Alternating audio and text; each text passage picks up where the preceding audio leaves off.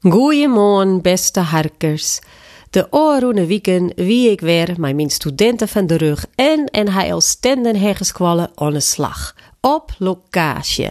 Een dogs wat nuver, maar tegelijk ik mooi gevoel om weer zo dicht bij de studenten wijzen te kennen. Letterlijk en figuurlijk.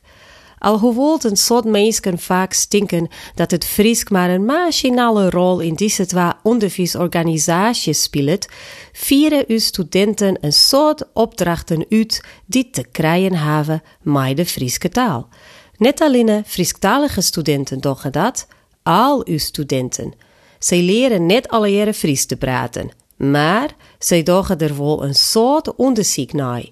Deze week jou ik graag wat omdenken aan zijn onderzoek van een van uw studenten van de Research Master, Sarah. Sarah wil graag weten hoe de receptieve taalvaardigheid van Nederlandstaligen haar begrip van het Fries beïnvloedt. Receptieve taalvaardigheid omvier met alle strategieën die het sprekers passief of actief toepassen om een taal die zij nog net praten, doch te verstaan. Als ik bij geliks in het Portugees zeg, a Frisia é uma província da Holanda, erkennen jouw grif de woorden Frisia, provincia en misschien ook wel Hollanda, alhoewel jou de Portugese taal net machtig binnen. Deze woorden binnen vergelijkbaar met woorden in het Fries of Nederlands. Je hebben bewust of onbewust de receptieve strategie activeren die het mogelijk maakt vergelijkbare woorden te verstaan. Sarah stelde haarzelf de volgende vraag. Als een soort woorden in het Fries en Nederlands in meer of minder mate vergelijkbaar binnen, waarom zei ze een soort Nederlandstalige dan vaak dat zij het Fries net verstaan?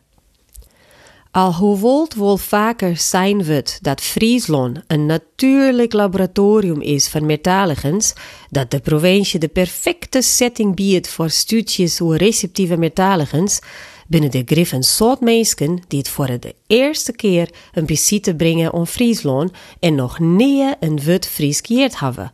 Sarah vreeg haar oor wat het verstaan van het Fries door deze mensen het meest beïnvloedt. De miete waarin het Fries en het Nederlands op niveau met elkaar te vergelijken binnen, of de attitude van mensen voor het Fries oor.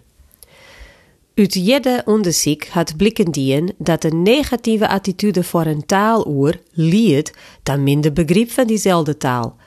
Is het idee om receptieve meertaligens te broeken om het Fries beter te verstaan, der mij vaak dochs net zijn realistische optie?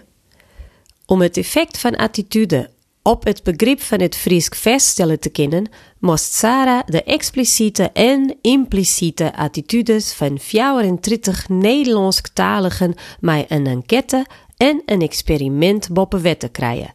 Bij een expliciete attitude zei ze mensen gewoon plan uit hoe ze ene oor denken. Bij geliks in een enquête met de vraag: Ik vind het Fries een mooie taal. Bij een impliciete attitude reageer je mensen op verschillende statements over het Friesk. Daarbij wordt haar reactietijd meten. Hoe langer de reactietijd, hoe negatiever de impliciete attitude. Uit Sarah's resultaten blikken verschillende effecten van attitudes op het begrip van het Friesk toch Nederlandstaligen. De via een significant effect van impliciete attitudes op het begrip van het Friesk. Soks betekent dat wat mensen net zeggen, maar wel denken over het Friesk, wichtig is voor haar begrip van de taal.